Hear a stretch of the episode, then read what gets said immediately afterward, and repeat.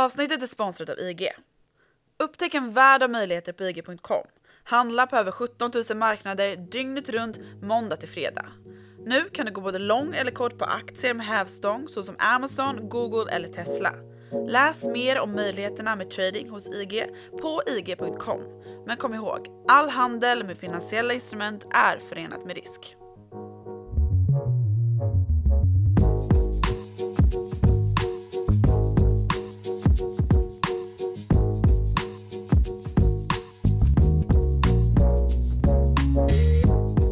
Initierade rapporter från Financial Times har under hösten berättat om att Kina uppfunnit en science fiction-lik kärnvapenbestyckad rymdmissil som kan kringgå alla världens luftvärnsförsvar och slå till var som helst.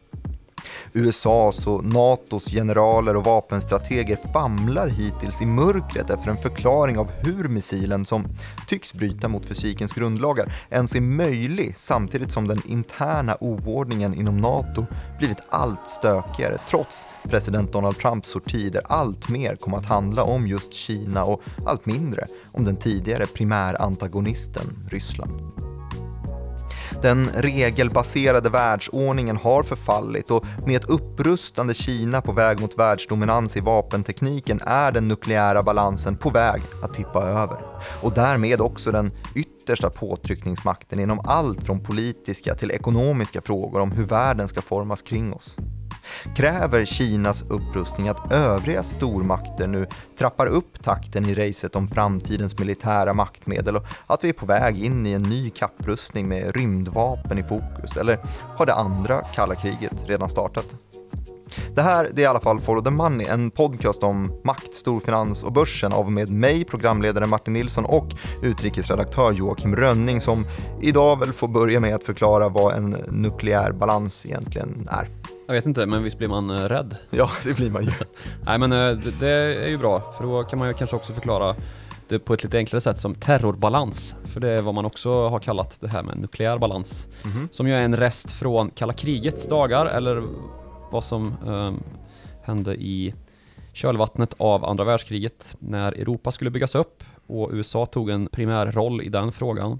Kommer vi i framtiden behöva referera till vilket kalla krig vi menar nu? Ja, jag tror nästan det. Det har i alla fall förts på tal att eh, ett andra kalla krig kanske går att sätta någon sorts startpunkt för i framtiden och då kanske vi är någonstans i våra dagar. Mm. Terrorbalans som sagt, nukleär balans samma sak och det är ju då antalet kärnvapen man har. Just det, det ska vara jämnt däremellan för då utbryter inget krig överhuvudtaget. Jämnt mellan stormakterna ja, och historiskt då så har vi ju USA och Ryssland som ska ha lika många då. Och det har man faktiskt fortfarande ungefär. Mm. I alla fall vad det gäller utplacerade kärnvapen så har man ungefär lika många. Mm. Och reserven är också ganska så, ganska så liknande hos de här två länderna. Men nu har vi ju då ytterligare ett land som ska komma in i bilden här. Men jag tänkte vi först börjar med att titta tillbaka lite grann på kalla kriget och vad som låg bakom att det blev ett från allra första början. Hur den här balansen uppstod. Precis, och då måste vi ju genom Europa då komma in på NATO. Mm -hmm. Andra världskriget tog ju slut på grund av atomvapnens fullbordande när USA ju attackerade Hiroshima och Nagasaki 1945. Atomvapnens framväxt hade ganska mycket att göra med just kapprustning och då var ju kapprustningen med Nazityskland först och främst. Nazityskland hade då utvecklat den så kallade V2-raketen som egentligen var ett första rymdvapen, att man sköt mot brittiska städer framförallt. Och andra fiendemål, eh, städer runt om i Europa. Som låg väldigt långt bort då? Ja, precis. Sen så kom ju då USA då genom det så kallade Manhattan-projektet att utveckla de första riktiga kärnvapnen då, fissionsvapen. Ja, men det här har man ju talat om um, flera gånger, just det här Manhattan-projektet. Vad har vi för lirare som var där och skruvade? Oppenheimer är ju han som var projektledare. Mm. Det var ju många av de här, de här eh, vetenskapsmännen som var från just Tyskland, eller från den tyska intressesfären, om man så säger, som var judiska vetenskapsmän som kom över då och arbetade under Oppenheimer. och Albert Einsteins idéer är ju högst betydande för att man överhuvudtaget lyckades då framställa en kärnvapenstridsspets men det här skedde som sagt i en kapprustning med Tyskland då och kom att avsluta kriget. Det var inga atombomber över, över Europa, Men det var ju det som verkligen avslutade kriget och gjorde det omöjligt för Japan då som sista fiende till de allierade att eh, ge motstånd. Sen så kom ju Europa då att eh, möta efterkrigstiden som ett sönderbombat stycke nationer som eh, likt på östsidan då som, som plötsligt hanterades av Sovjet stod i en återuppbyggnad. Mm. Och då blev det ju USA då på västra sidan om det som sen kom att bli järnridån som um, enligt den plan som lades fast då av de segrande makterna. Och det var ju Storbritannien, USA, Frankrike och på östsidan då Sovjet som delade upp det som var kvar av Tyskland och eh, sen så drogs det ju då en linje söder igenom Europa. Där de på östra sidan kom att bli kommunistnationer, kommunistledda nationer som gick i Sovjets ledband. Så småningom kom det att kallas för eh, Warszawapakten. Men det var då efter att 1949 så hade 12 stycken antikommunistiska länder samlats i Washington och skrivit under det första NATO-fördraget. Och då var planen då att USA skulle ha en anledning att hålla sig kvar i Europa. Tyskland skulle hållas nere och Sovjet skulle hållas ute. Det är en sån berömd skrivning om, om hur man tänkte när NATO kom till då. Och i statuterna så står det att 2% av varje nations budget ska tillfalla försvar. Men i början så var ju det här fullständigt orimligt då eftersom att de här länderna var sönderbombade. Så USA kom ju att ta i princip hela notan initialt då och trygga, trygga Europas säkerhet. Ja, det här var då alltså en, en bestämmelse för att balansera så att alla bidrog till NATO-budgeten lika mycket? Ja, på sikt då, alltså inte lika mycket men lika mycket som man... Eh, alltså, så, I relativa mått? I relativa mått lika mycket ja. Och de stiftande nationerna då var USA, Kanada, de enda utomeuropeiska länderna. Frankrike, Storbritannien, Italien, Belgien, Norge, Nederländerna, Danmark, Portugal, Luxemburg och Island. Så utöver Island och Portugal då, så var ju alla de här länderna rätt så drabbade och hade varit inblandade i kriget. USA och Kanada var inte sönderbombade men det var ju alla de här de här europeiska länderna som, eh, som blev med i NATO då. Mm. Sen så har ju NATO växt undan för undan och om vi tar då vidare i historien så var det ju inte en direkt konflikt mellan USA och, och Sovjet som bröt ut precis när kriget tog slut. Det, var, det blev ju en maktpositionering mellan, mellan Sovjet då och Stalin som ju var ledare i, i Sovjet och uh, Truman som styrde i USA som då satte sig ner till bords på den så kallade Jalta-konferensen där i slutet på kriget och väl till synes i alla fall initialt drog jämnt. Eh, Winston Churchill var med. Det finns många, det kan man titta på YouTube, väldigt spännande bilder med de här gamla gubbarna som, som är så himla betydande för var världshistorien kom att landa någonstans. Men hur, hur, hur utvecklas det här till en faktisk konflikt då? Ja, men eh, man börjar ju naturligtvis så att uh, man ser att Sovjet är ju ett kommunistvälde under Stalin och det är ju motsatsen till den frihet som vi vill att världens länder ska gå mot. Så antingen så är det ju att eh, försöka välta Stalin från tronen och eh, införa demokrati i Ryssland. Vilket väl inte kändes så himla rimligt då. Mm. För att Sovjet gick verkligen mot ett mer totalitärt styre från då den ryska revolution som skedde 1917 och att tsarismen liksom dog där med Nikolaj den andre i, i händerna på Lenin. Och dessutom kanske man inte var överhuvudtaget så där värst sugen på att gå i krig igen. När man hade sett vad, hur förödande andra världskriget var som ju är världshistoriens mest uh, förödande krig ju. Men det var ju ändå inte så, så få krig eh, åren därefter ändå. Nej, säga. precis, men de var ju i mindre skala ändå. Men sen så gick det faktiskt så långt att, att 1954 så föreslog Sovjet att man skulle få ingå i NATO. Det var ju ändå ett europeiskt land tyckte man och det hade väl varit en smidig, ett smidigt sätt att lösa hela säkerhetsproblematiken då för Europas länder. Att, um, alla blev kompisar. Att alla blev kompisar, ja. Då blev det ju så istället då att uh, amerikanerna och övriga NATO också då naturligtvis misstänkte att det här är ju inte en hjärtlig handling från Sovjet egentligen, utan här finns det ju rävar bakom öron. Och att, att, Sovjet då stod i akt med att man skulle se till att det blev, att det ledde till en intern splittring i NATO, att man skulle liksom nöta ner den här alliansen så att man kunde, enligt en mer förtida skolbok då, kunna agera med makt helt enkelt, så som världens geopolitik och framförallt då i Europa såg ut innan andra världskriget. Mm. Att den med mest makt segrar helt enkelt. Och det var väl det man argumenterade för också från USAs sida, har du lärt mig i alla fall. I en sommarserie som vi pratade om så beskrev du mycket hur maktspelet stod, såg ut, där man var rädd för en dominoeffekt. Mm. Alltså om kommunismen hade tagit för stort grepp om länder så var man rädd att andra länder skulle falla efter och så skulle kommunismen ta över eh, halva jordklotet. Och där i står man då sen med ett Ja. Vietnamkrig och försvarar då. Precis, sina man hade, ju precis lyckats, intressen. man hade ju precis lyckats besegra nazisterna, en annan totalitär ideologi, fascisterna också för den delen, det är ju täta band.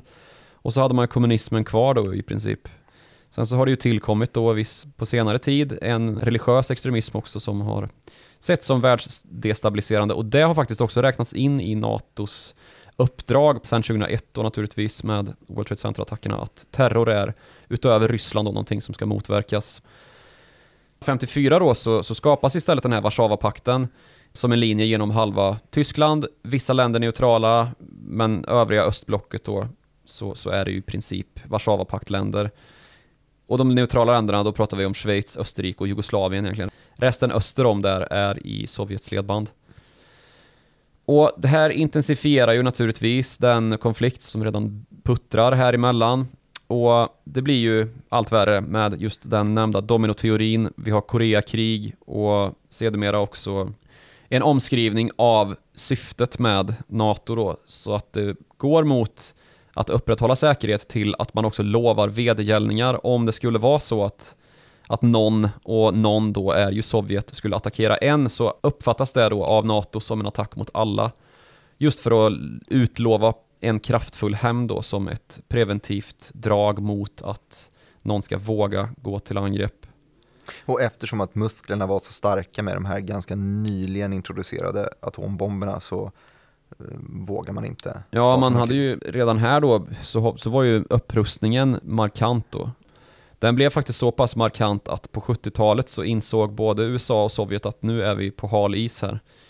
Det var ju liksom så högt på agendan att man befarade att man skulle behöva tänka det otänkbara, just att det kommer sluta i att världen är en radioaktiv soptipp, där vi når the nuclear holocaust, alltså där vi bränner sönder jorden med kärnvapen. Och det var ju nära några gånger med eh, Kubakris och incidenter då som närmast liknade olyckskrig, liksom att man var några minuter ifrån att faktiskt trycka på knappen.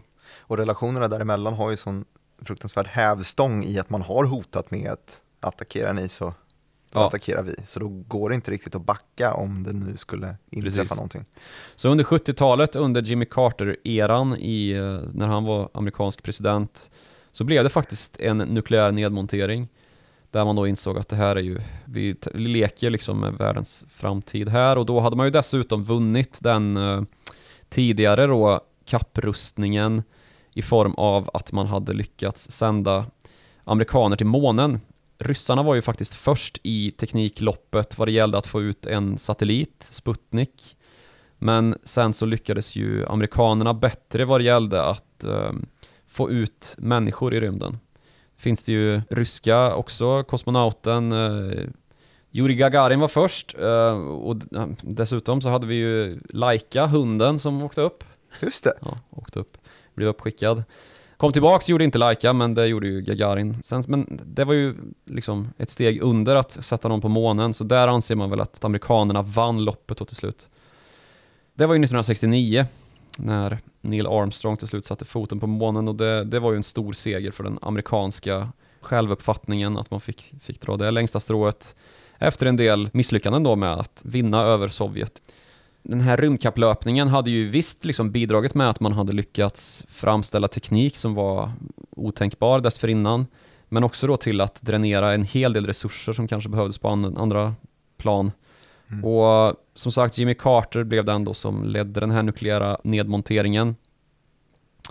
Men sen så skedde det ju saker på annat håll i Sovjets agenda. Man gick in i Afghanistan 1979 och det blev ju så att säga början på slutet för hela Sovjetrepubliken.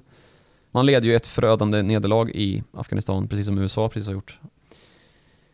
Det blev ju början på slutet då, det här tioåriga kriget, parat ihop med lite allmän ekonomisk nöd och Att man har lagt 10% av BNP på atomvapen de senaste 20 åren eller så. Ja, precis. Och dessutom en uh, kärnkraftskatastrof i Tjernobyl och också då ett regimskifte där Gorbatjov tog över och han var ju betydligt mer öppensinnad för förändring än vad de tidigare hade varit.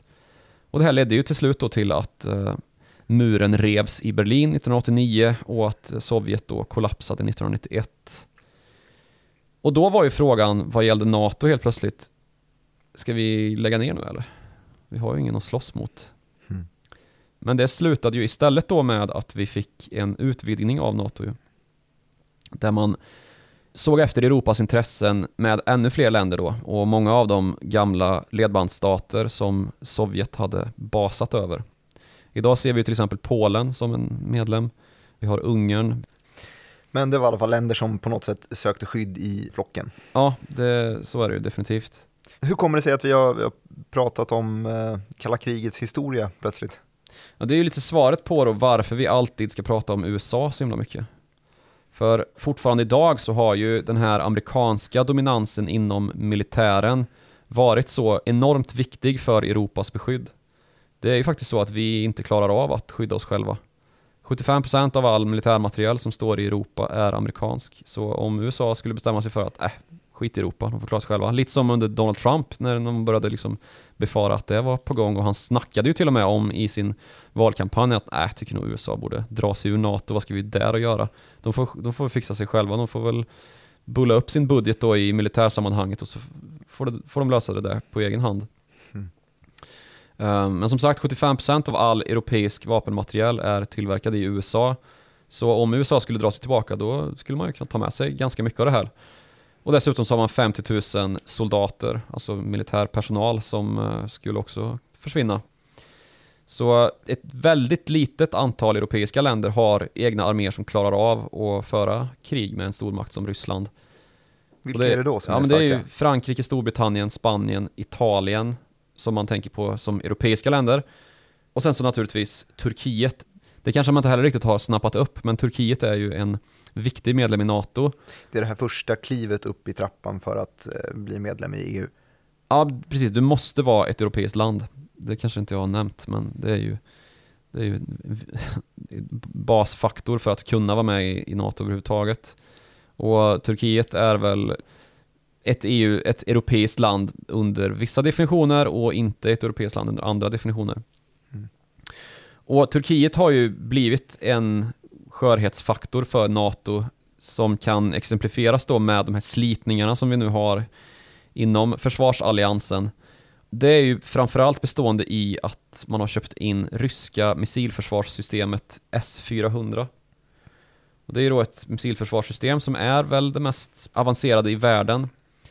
Och dessutom så har man faktiskt nu på senare tid börjat tvista hårt med många europeiska länder i säkerhetsfrågor och också inom människorätten. Så sent som nu här under hösten i oktober 2021 så har tio stycken ambassadörer från ja, men allierade länder om man ska se till säkerhet då för att de flesta är NATO-länder utvisats på grund av då att de här ambassadörerna har gemensamt krävt av Erdogan, alltså president Erdogan, att han ska släppa fri en aktivist. Ehm, och det här har då vållat jättemycket ont blod, för det är ju inte så man ska jobba när man är ambassadör menar Erdogan, att man lägger sig i landets interna angelägenheter. Så det är ju ett helt nytt liksom, språk som används av Erdogan som blir spetsigare och spetsigare. Det här har ju också, eftersom att det här är en ekonomipodd, så kanske vi bör nämna det, att det är ju en av de stora anledningarna till att vi har sett ett sånt veritabelt ras i den turkiska liran på sistone.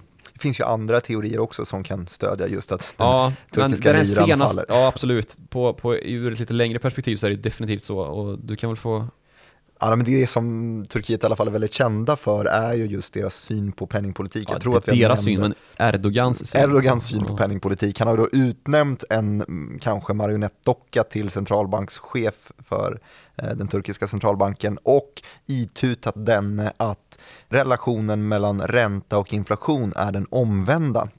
Så att resten av världen följer väl de här klassiska nationalekonomiska teorier om att har man för hög inflation i ett land så betyder det att ekonomin är överhettad och då höjer man räntan för att kyla ner ekonomin, göra det lite dyrare att låna pengar. och Erdogan av någon anledning har valt att tro på det omvända istället, att en högre ränta ger högre inflation. Och där har vi då också en liten fingervisning i varför turkiska liran går käpprätt eh, ostbacke. Ja, käpprätt ostbacke. Nu här för någon vecka sedan så sänkte man ju faktiskt oväntat räntan med 2 procentenheter. Från 18 till 16 eller vad det var. Se där, Ja, så här det, kan du. det är verkligen eh, lite stökigt. Men eh, i tillägg då så har, så har liran också fått stryk av den här diplomatiska krisen då som har utbrutit. Nu återstår det väl att se om man faktiskt gör så att han förklarar de här tio ambassadörerna persona non grata som det heter, att man skickar hem dem i princip. Mm. För det skulle ju inte vara bra för Turkiets ställning i världen. Det kan ju leda till både sanktioner och det är ju inte direkt vad Turkiet önskar sig. Med en skenande inflation och eh, lira-ras. Men du, nu verkar det ju som på något sätt, eh, vi inledde avsnittet med att berätta att Ryssland är inte längre fienden. Nej, det är precis. Kina istället. Mm. Men nu låter det ju som att Ryssland är fienden. Och Precis. Turkiet eventuellt. Det är lite lurigt där. Men eh, problemet med Kina har ju varit kraftigt växande. Och ett nytt beslut från Jens Stoltenberg, NATOs generalsekreterare, Mm. som jag har träffat. Har du träffat honom? Ja, har jag. Nog om det. Det presenterades då här för några dagar sedan. Och det är då att Kina kommer föras upp på agendan som ett formellt fokus när NATO då i sommar här skriver en ny definition av uppdraget. Det löper då på tio år. Och det finns ju massa olika anledningar till det här. Bland annat då Taiwan-frågan som man kan skruva tillbaks, follow the money. Två snäpp. Ja, två snäpp och lyssna igenom vad det handlar om. Men sen så har vi ju helt och hållet USAs fokus som har tiltat då från Ryssland till Kina som är den förklarande faktorn nummer ett här. Mm. Inte bara i handelssammanhanget då utan också att Kina har upprustat så väldeliga. Men här har vi ju också, det nämnde vi i sagda avsnitt då om Taiwan, att det kändes som att det var väldiga spänningar i den regionen och jag tror att vi till och med refererade till de här riskerna för rundflygningar kring den här ön som har skett ju, Taiwan, kinesiska överflygningar som inkräktar på olika luftutrymmen och så vidare. Eh, när man gör det i en sån mängd så ökar risken att man någon gång kommer vara med om en olycka. Eh, likt det vi nämnde här kring Kubakrisen, att man Mm. helt enkelt råkar svänga in i det andra flygplanet eller att någon kraschar och tolkar det som en aggression och så vidare och kickar igång hela Precis, det här det, det händelsen. som Carter och Brezhnev insåg att det här, så här kan vi inte ha det. Men exakt, eh, så det är där väl världens spänningar är som allra högst just nu. Ja, så är det. Och Taiwan står ju precis samma problem då som hela Europa gör, att man saknar ju utan USA, om, om USA skulle dra tillbaka sitt intresse då, så, så skulle ju Taiwan stå utan liksom möjligheter till transport och underrättelser och ett ledarskap militärt liksom. Så de, de lev, står och faller med att USA säger om ni attackerar dem Mm. så får Och nu är ju läget helt motsatt för Taiwan eftersom att Taiwan har ju blivit en punkt i världen där USA har fokuserat mer snarare än som i NATOs fall då. Så det här är väl lite grann av ett blidkande då att USA hotat under Trumps tid med att vi kommer dra oss tillbaka, ni får klara er själva till förmån då för Taiwan. Och att man då istället nu försöker göra gemensam sak igen och få tillbaka USA som, eh, som ledare, att man säkrar sin egen då transport för att kunna, alltså militär logistik handlar det ju om då. Att man ska kunna få trupp på rätt plats och kunna motverka hot. Och då att man har tillgång till amerikanska underrättelser, för det är ju världens ledare inom militära underrättelser helt utan, helt utan konkurrens. Men är det då verkligen någonting som Jens Stoltenberg vill eller är det här eh, rakt av USA som ju antar jag har ett väldigt stort inflytande över vad NATO gör i och med att de lägger så stor del av sin budget på just militär? Ja, självklart. Det är ju. Men nu är det ju också så att vi pratade lite grann här i introt om att eh, den regelbaserade ordningen har förfallit under Donald Trump och det stämmer ju. Men nu gör ju Joe Biden, nytillsatt president sedan något snart år tillbaka, allt för att återupprätta USAs plats i världen ju och komma tillbaks till alla förhandlingsbord och skriva nya protokoll och, och liksom ingå nya avtal som har slopats av Donald Trump. Så här sker det ju ett återupprättande också inom NATO då, där USA försöker linjera intressena igen. Det var ju oerhörda slitningar mellan Donald Trump och Jens Stoltenberg, bland annat då när de sitter i Vita huset och Jens Stoltenberg pratar liksom diplomatiska och Donald Trump går hårt åt och Jens Stoltenberg har svårt att liksom hålla masken för att den amerikanske presidenten far fram så oerhört jämfört med vad man brukar. NATO och USA är ju superallierade i historisk kontext liksom. Men den här, den här liksom fok, omfokuseringen nu på Taiwan och Kina har ju också lett till slitningar inuti NATO, ska man också vara ganska tydlig med. Och den slitningen har ju bestått framförallt nu här under hösten, väldigt aktuellt dessutom, av den nya militära alliansen AUKUS. Australien, United, United Kingdom, Kingdom, och. United States som då har upprättat en förbindelse där man ska samverka kring maritim säkerhet i Stilla havet. Och det är ju då för Australiens räkning man talar här, men det är ju i direkt då angreppsvinkel mot ett upprustande Kina som man pratar då, och hotet mot Taiwan just. Och viktiga handelsvägar i den här.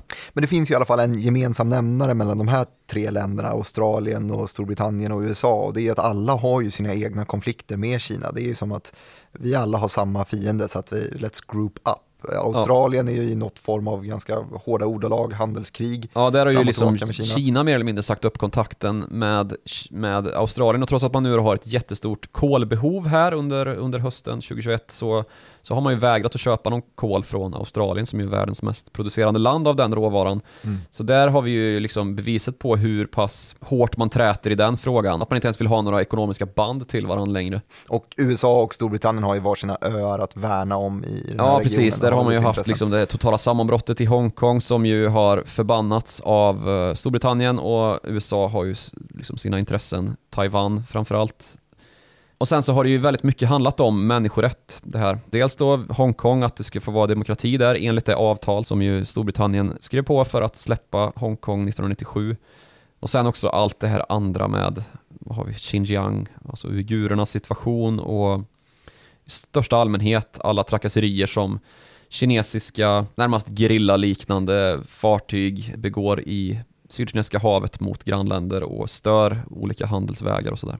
Men om vi kommer tillbaka då till den striden inom NATO som har brutit ut då, så är ju den om att innan det här AIQ-samarbetet var fullbordat då och alla avtal nedtecknade, det är alltså en, en väldigt aktuell händelse här i säkerhets och geopolitiken, så hade Frankrike skrivit avtal med Australien om att förse dem med ett gäng ubåtar. Och det är då kontrakt som i elfte timmen Australien avslutade. Alltså man, man eh, drog tillbaka dem. Så att inga miljarder euro till Frankrike, inga franska företag fick se sina intäkter växa, inga franska arbetare fick bygga de här ubåtarna, utan det hamnar då i amerikanska händer istället. Mm. Så att man ska få utveckla atomkraftsdrivna ubåtar som ska patrullera vattnen kring Australien och i Stilla havet då för att trygga säkerheten från kinesiska maktanspråk. Det här ledde ju till en, ja men den största diplomatiska krisen mellan Frankrike och allierade länder på tio år, mer än tio år alltså. Vad det gäller just Storbritannien och USA. Man ryckte till och med tillbaka sina ambassadörer från Canberra i Australien och från Washington. Och det har ju, det är ju ingenting som sker liksom. Den gamla tvisten man alltid har med Storbritannien har vi redan pratat om i ett tidigare avsnitt när eh, Boris Johnson sa Prenez un grip och um, Donnez-moi un break, att man skulle bara skärpa till sig i Frankrike. Det svarade då Frankrike på genom att inte kalla tillbaka sin ambassadör i London och säga att Storbritannien är en vasallstat till USA. Det vet vi redan hur opolitliga de är. Så det var så här klassiskt härligt maktspel som Mm. mest nästan liknar, ja ska man säga, 1800-tal mellan Frankrike och Storbritannien. De har ju inte liksom alltid varit såta vänner. Mm. Och det är ju mycket ett skådespel naturligtvis, men förbannade var man definitivt alltså. Mm. Utrikesminister Bruno Le Maire var ute och liksom... Det kommer ta lång tid att reparera de här både handelsmässiga och diplomatiska banden mellan länder som ju faktiskt är kärnallierade, alltså verkligen gräddan av demokratier. Mm. Men eh, man, man får i alla fall möjlighet att alliera sig lite snabbt här om det är så att man har ett gemensamt hot som växer som det ju verkar vara. Vi pratade ju dels om i det senaste avsnittet i, Taiwan där om hur den kinesiska flottan har till och med vuxit om den amerikanska motsvarigheten. Men nu snackar vi också här i introt om missilutveckling, att vapenteknologin i Kina verkar ha nått ja, nya höjder kan man väl säga. Ja, det kan man säga. Men alltså primärt då när vi säger att den nukleära balansen är på väg att, att tilta åt något håll som vi inte har gjort oss vana vid tidigare. Det är liksom inte att Kina plötsligt har en miljard stridsspetsar som är redo att avfyras. Det har man alltså inte.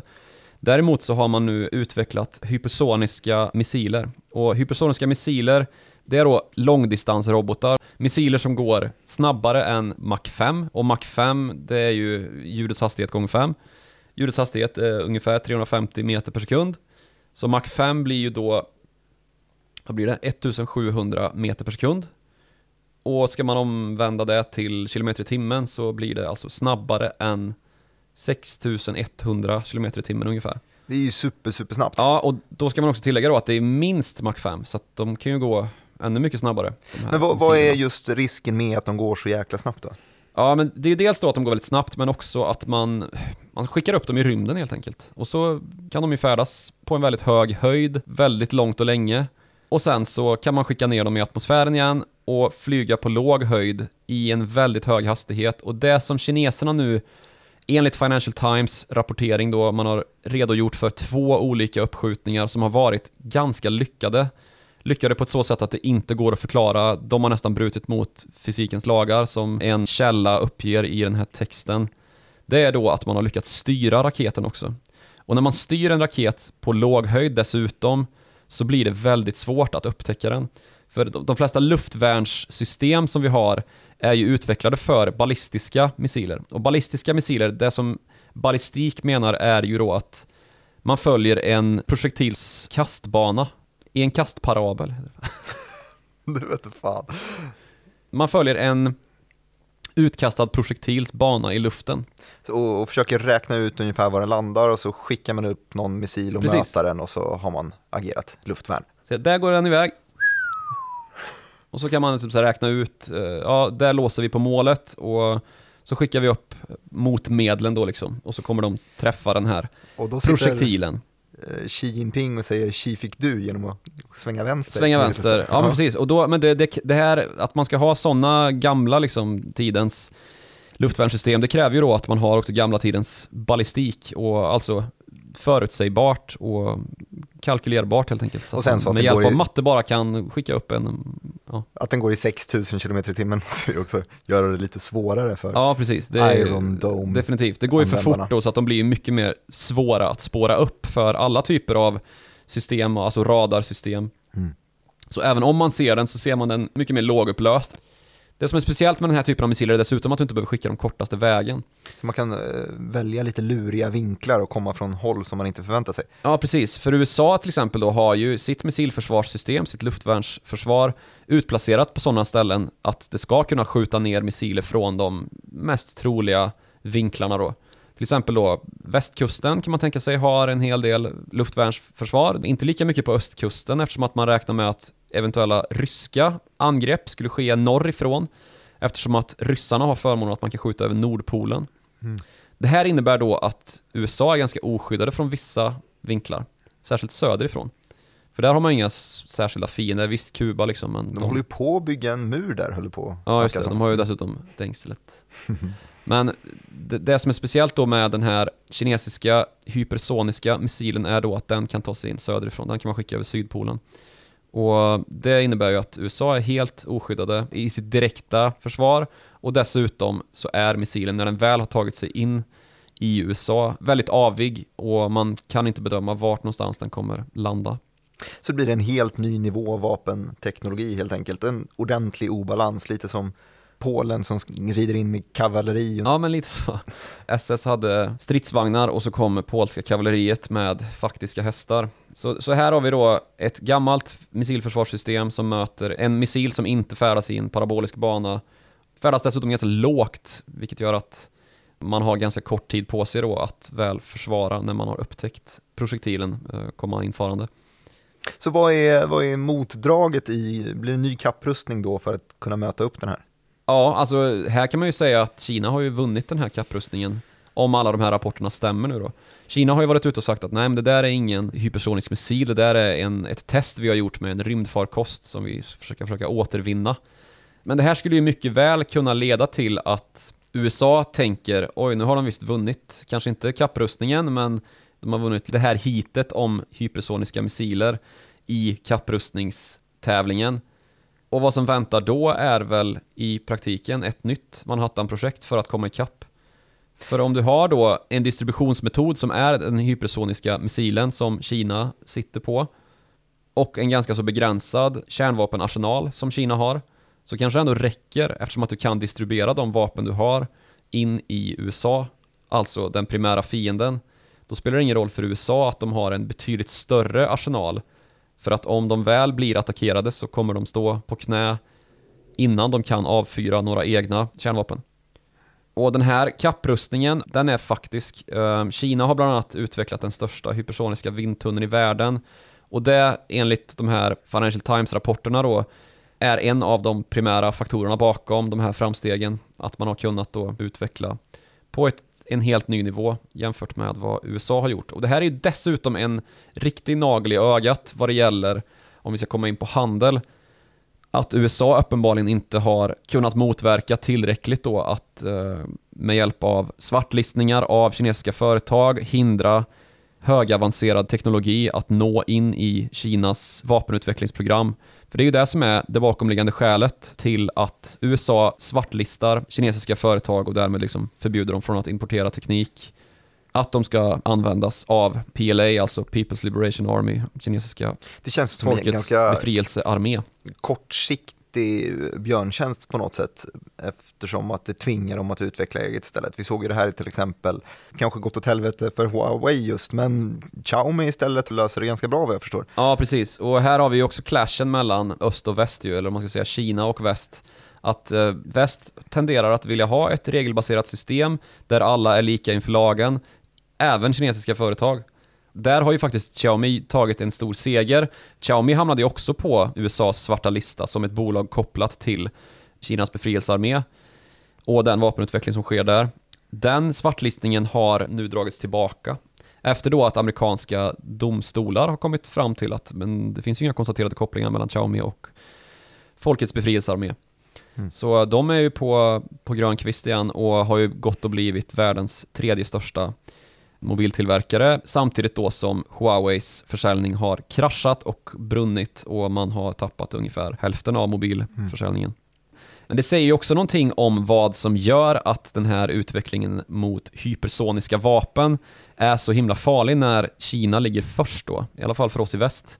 För Kina är ju dessutom då i tillägg till att man är experter på att kopiera och sno amerikansk teknik också ett väldigt, väldigt högutvecklat land när det gäller tillverkning. Så det, det går ju att tänka sig då att man ganska snabbt kan komma upp i produktionsmängd vad det gäller de här missilerna och verkligen hota USA. Det kanske inte ens behöver vara med kärnvapen, man har ungefär 350 stridsspetsar i den strategiska arsenalen. Men eh, det finns ju andra typer av bomber också som kan eh, nyttjas i, för krigföring.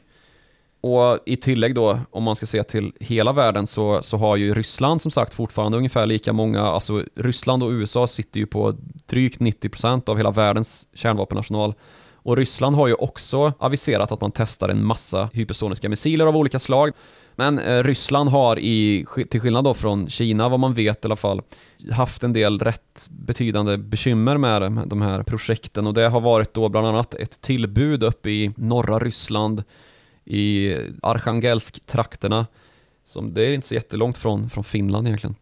Där man då råkade spränga en kärnladdning som eh, inte riktigt som planerat hade kraschat i havet och det ledde till att sju toppforskare i det ryska vapenutvecklingsprogrammet avled.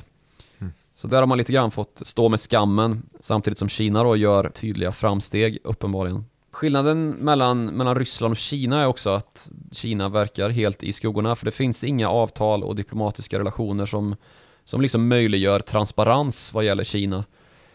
Kina har liksom inte undertecknat några av de här nedrustningsavtalen som har kommit till bakåt i tiden. Vi nämnde Jimmy Carter och, och Brezhnev där när de skrev under att nu börjar vi avrusta.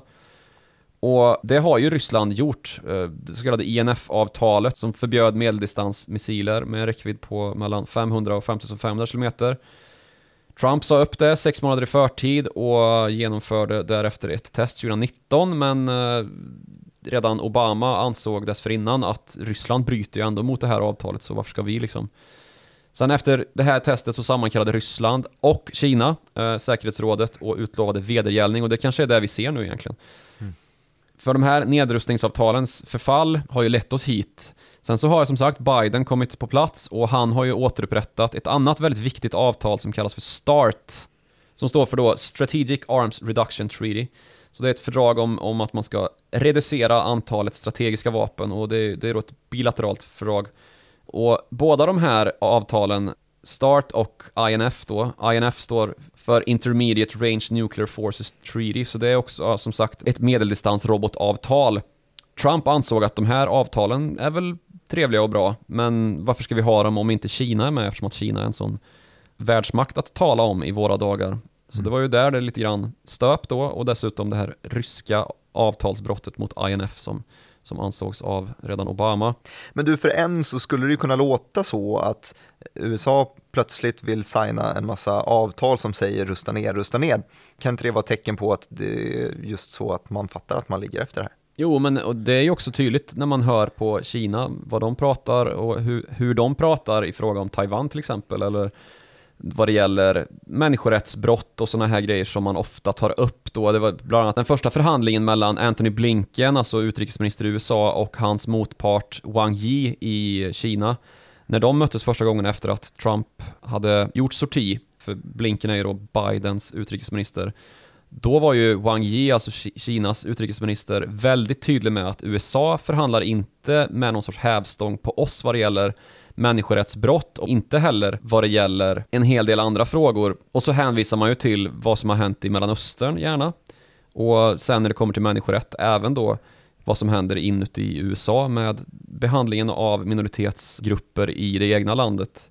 Men man kanske ska ta upp då vad som har lett till att USAs roll som en dominerande makt inom militära frågor har varit så på dekis och det är ju helt uppenbart Afghanistan dit stormakter kommer för att dö. Ja, precis som Ryssland vet mycket väl, för det var mycket där som Sovjet kom att kollapsa, i alla fall ekonomiskt då, att det blev för dyrt att föra krig och till slut så, så orkade inte Sovjetnationen hålla sig själv upp längre och det blev den här uppluckringen som varade ett tag innan Putin kom på plats och det blev en ny, liksom, ska man säga, det återgick från någon sorts demokrati till tsarism istället för då, alltså tillbaka till vad man nästan såg under Nikolaj den andres dagar. Att man har en maktmänniska som en, som en de facto regent sen 2000, så det är nästan, det är 22, 22-23 år snart. Och, Men har hoppat runt lite på olika stolar Ja, lite olika poster för att, för att liksom upprätthålla den här skendemokratin som Ryssland är. Men den här maktbalansen då som eventuellt rubbas, hur påverkar den Sverige rent praktiskt? Ja, det påverkar ju Sverige genom att vi har fått bli en testplats för kinesiska informationskriget som pågår. Och det är ju en fråga som har växt något oerhört de senaste tio åren. Och då pratar vi ju cyberkrigföring först och främst, men även vanlig, alltså propagandakrigföring. Och där, där har vi ju sett en kinesisk ambassad som har varit väldigt aggressiv mot den yttrandefrihet som råder i Sverige och mot medier helt enkelt, som oss och eh, andra. Är på SVT och allt och alla så fort det rör någonting som inte anses stämma då att någon har kallat Taiwan för fel sak eller klandrat Huawei som en självklarhet att de håller på med spionage och såna här grejer. Varför kallar du oss för, för testplats just? Är det att man, man testar strategierna här innan man applicerar dem på något annat västerländskt land? Ja, det är väl den rådande konsensusbilden i alla fall att Sverige är ett av de länder, kanske det landet där ambassaden och ambassadören Guy Congieux som han hette, han är ju precis lämnat Sverige, han drog här i september, exponerat för den här kinesiska retoriken som förs då i, i att man försöker stänga ner det samtal som pågår om Kina och Kinas roll och Kinas beteende i världsordningen. Och så ser man vad det blir för resultat av det och så väljer man utifrån det vad man ska applicera i andra länder då. Sverige är väl en ganska ofarlig plats för det, i och med att vi inte är med i NATO. Det är ju också en lång debatt som aldrig tar slut om Sverige ska eller inte ska vara med i NATO. Samma har ju gällt för många länder där det har slutat i just NATO-medlemskap med allt större självklarhet, som då bland de här österländerna, som det absolut inte var givet att de skulle komma med i NATO. Det var ju en, en liksom informell uppgörelse mellan George Bush den äldre och Gorbatjov som, som regerade samtidigt med honom då i början på 90-talet att USA ska inte utvidga NATO-sfären mm. samtidigt som Sovjet inte ska hota Västeuropa det kom ju på skam ganska tidigt då, dels genom att gamla östblocksländer var ganska attraherade av att komma med i, i NATO och därefter, som vi pratade om i förra avsnittet, få vara med i EU. Och dessutom så, så hände det ju saker på Balkan som ledde till att framförallt Vladimir Putin kom att bli traumatiserad, eller vad man ska säga. Dels då som gammal KGB-agent i eh, Östtyskland när det sprack för Sovjet och få åka hem med svansen mellan benen och dessutom då när han väl hade kommit på plats så hade han ganska klart för sig att jag tänker inte förlåta NATO och USA för vad man gjorde i Serbien under kriget. När man då tog parti för Bosnien och Kroatien och började bomba, genomföra flygangrepp då mot serbiska befästningar och dessutom att man bombade Belgrad. Vilket då Ryssland ansåg var ett illdåd. Serbien och Ryssland var ju, var ju allierade i den striden. Och det här har ju varit en nagel i ögat på Vladimir Putin och han har ju försvarat många av de eh, uppmärksammade geopolitiska gärningar som han stått för. Bland annat då att man har gått in i Georgien till exempel när det var aktuellt. Um, körde in stridsvagnar på gatorna i Tbilisi. Med då att uh, varför skulle inte vi kunna göra så här om, eh, om NATO kan bomba Belgrad? Samma sak med Krim egentligen. Ön som man har annekterat eller invaderat eller vad man ska kalla det. Illegalt mot all internationell praxis. Att göra på det viset naturligtvis har vi också pratat om i varenda avsnitt känns det som på slutet. Men det är ju också en, en liksom väsentlig del av det militära landskapets formerande i vår tid måste man ju säga. Ja, jag kollade faktiskt på just i alla fall Sveriges militärbudget över åren inför det här avsnittet och det man kan se i alla fall att det sker någon form av vändning ungefär i samband med Krim, för det här är väl 2014-15 någonstans. Mm, 2014 är det. Uh, och där i alla fall så bryts trenden med att Sveriges militärbudget faller och man ser att debatten vänds ungefär där. Så det är inte så många år sedan som vi i alla fall började prata om att hörni, det kanske är dags att sluta nedrustningen i alla fall och, och börja tänka på ja. upprustning istället. Ja, precis. Och börja titta på Gotland, denna eviga punkt för militära intressen, för det är ju då sett som en, en väldigt viktig punkt både för NATO och för Ryssland ju att, att Gotland ska vara en flygbas för att ha makten över Östersjön. Det är ju bland annat dit som den svenska militärbudgetökningen har gått då, att man ska starta regemente på Gotland. Men vi är fortfarande långt ifrån den här, de här två procenten som krävdes för NATO i alla fall. Ja, vad ligger vi på? Ja, men dryga en procent och ja. sen så kanske man, man och dessutom glida slarvas över. Ju, slarvas ju hälften av den där budgeten bort eftersom att militären är så enfaldigt dålig på att, uh, att hantera pengar. Mm. Vet ju du som gammal soldat. ja, och... tänkte precis på att jag, vi har ju ändå något form av NATO-samarbete satt jag och eh, räknade på i huvudet, för det var just en sån övning som var min sista under min aktiva militärtjänst. Hittills. Hittills, ja just det. Hemvärnsman, eh, Cold Response i Narvik var det en eh, krisberedskapsövning ungefär. Ja, sjukt. Det gillar ju inte Ryssland särskilt mycket att vi är på sådana övningar. Nej. Men du nämnde ju här en kryddig grej att, eh, att Vladimir Putin var, var gammal spion. Vad hände egentligen med, med det gamla eh, hedliga yrket? James Bond. Ja. ja, vad hände med James Bond? Verkligen. Nej men det sker väl även där en utveckling och idag så ser det ju inte ut som på James Bonds dagar kanske. Det gjorde det väl aldrig kanske men ja. Det ser inte ut som på Vladimir Putins gamla KGB-dagar heller. Det sker ju allt mer i digitala, eh, det digitala sammanhanget på ett eller annat sätt. Man och hackar statsministerns Facebook och utvinner information. Ja, eller utrikesministern eller vem man vill begår en urkundsförfalskning då och kallar sig för något annat och sätter sig i ett möte med svenska utrikesministern. Det skedde ju faktiskt ganska nyss, ryska agenter måste man kalla det. Och Sverige är ju även här exponerat då, eftersom att vi har ett ganska så framstående näringsliv ju.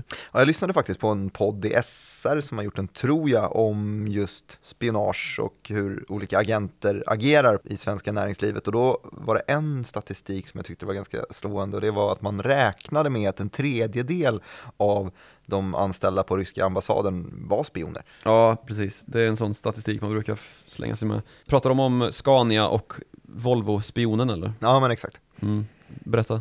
Ja, nej, det var just det här, man beskrev eh, hur man gick tillväga för att eh, approchera personer. Då var det personer med lite svårighet ekonomiskt. Och sen Vodka, man, whisky och konjak.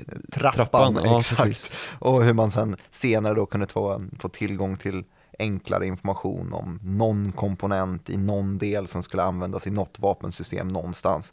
Eh, och sen så görs det här på då miljoner olika platser samtidigt så har man plockat blueprinten för en säkring där och så har man plockat materialbeskrivningen för en plåt där och sen så bygger man ihop det sen eh, på hemmaplan och kollar hur det, hur det fungerar och så har man hittat en liten väg in att eh, angripa om det så skulle bli fallet. Ja, lite som när Kina snodde hela F35-ritningen. Det var ju väldigt via- mycket smidigare i så fall att Ja. bara dela ut USB-minnen på vindrutor eller hur var det man gjorde? Precis, vindrutorna utanför något Lockheed Martin-kontor där man satt och utvecklade F35 som ju är en konkurrent till Gripen, JAS 39 Gripen. Så tog man med sig de här in eh, i personalen och tänkte, ja schysst, ett litet USB-minne, det kan jag ju göra något kul med. Och så var det ju naturligtvis en trojan inne i det här USB-minnet som slog sig fritt och eh, lyckades då skicka iväg hela ritningen på F35 som sen mångfaldigas i Kina eh, sedan några år tillbaka. Växa upp som ogräs bara. Ja, eh, F35 inte lika kompetenta naturligtvis, eh, de här kinesiska F35-kopiorna. Men, Men ändå. fler. Ja, men ändå en sjuk händelse naturligtvis. Det är ju också en, en allt viktigare fråga då, som bland annat ingick i det här AUKUS-samarbetet. Ubåtsstriden mellan, mellan Australien, USA och Storbritannien å ena sidan och Frankrike å andra sidan då. Att man i det här avtalet också har inkluderat just att man ska ha samverkan kring cyberförsvar mot Kina. För Kina är ju bäst i världen på det här. Man kan prata mycket om eh, Ryssland. De är ju väldigt spetskompetenta, men vad det gäller störningar så är nog fortfarande Kina störst. Det finns ju några aktörer här som alla verkar i Sverige. Ryssland och Kina som sagt, med sina ambassader och eh, intrång mot näringsliv och, och det offentliga samtalet. Och sen så har vi ju Iran. Det är väl de stora spelarna egentligen. Och där hade vi också en en händelse som var av hög dignitet när vi här för några veckor sedan under hösten 2021 kunde läsa att en tidigare Säpo och MUST-medarbetare som har haft direktkopplingar till den högsta ledningen i Säpo och den militära underrättelsetjänsten då har agerat på uppdrag av främmande makt som antas vara Iran då. Så då har man lyckats ta sig in på allra högsta befattning. Ja, det verkar ju så i alla fall. Nu är det väl inte helt klarlagt med vad det är som har hänt där, men det är ju en riktig, vad ska man säga, säkerhetsmardröm och, och det skänker ju inte direkt trovärdighet till den militära och säkerhetspolitiska skyddet som vi ska ha inuti vår, e- vårt eget land liksom för att eh, kunna upprätthålla den demokrati som vi vill ha här. Mm.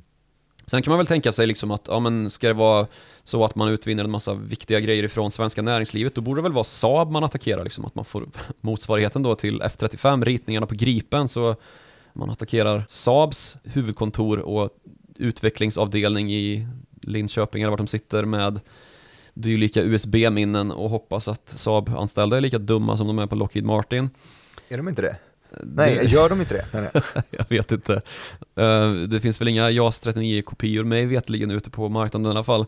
Men däremot så, i det här fallet då med Volvo och Scania så är ju de också leverantörer till militär verksamhet, både i Sverige och utomlands. Och det är någonting som vi inte minst kunde se i dokumentärfilmer om Islamiska staten ju, att det var en hel del Volvo-lastbilar som eh, dessa religiösa dårar for omkring i med svarta flaggor utsträckta ur fönstren för att de då hade sålts till amerikansk försvarsmakt och sen stått kvar på militära uppställningsplatser när eh, den irakiska armén kördes över av den här Sunni-milisen som, eh, som kom att kallas för IS som helt enkelt bara tog över och Så nu finns alltså svenska modeller av militärfordon i, eh, i Islamiska statens händer som kan plockas isär och som då använd, antagligen används på hemmaplan också.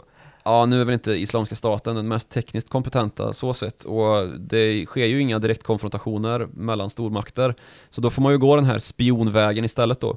Det är ju en sån lustighet som eh, Vladimir Putin gillar att föra sig med att om det är någon som håller på att jävlas med ryska intressen, till exempel Sverige, så kan man ju bara åka Hägglunds bandvagn i fårskinnskläder och vara skön som han gjorde här för några något år sedan, just efter att nytillträdde president Joe Biden hade kallat honom för en ulv i fårakläder och det var ju nice.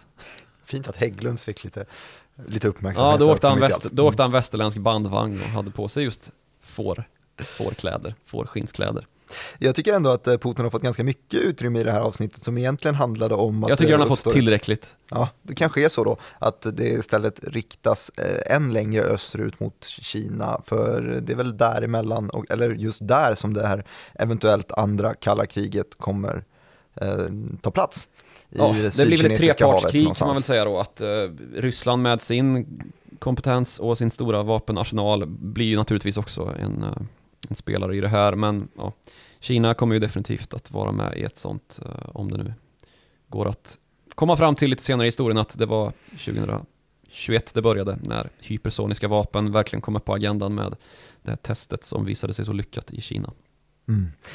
Ja, fortsättning följer, för framtiden får ni ju också såklart nästa vecka när vi är tillbaka med Follow the Money som man kan nå på mejladressen med precis samma namn med avslutningen snabeladirekt.se och eh, våra egna Twitterkonton hittar ni på eh, snabela Joakim Ronning och snabel direkt Martin. Eh, tack så mycket för att ni har hängt med den här veckan så hörs vi igen.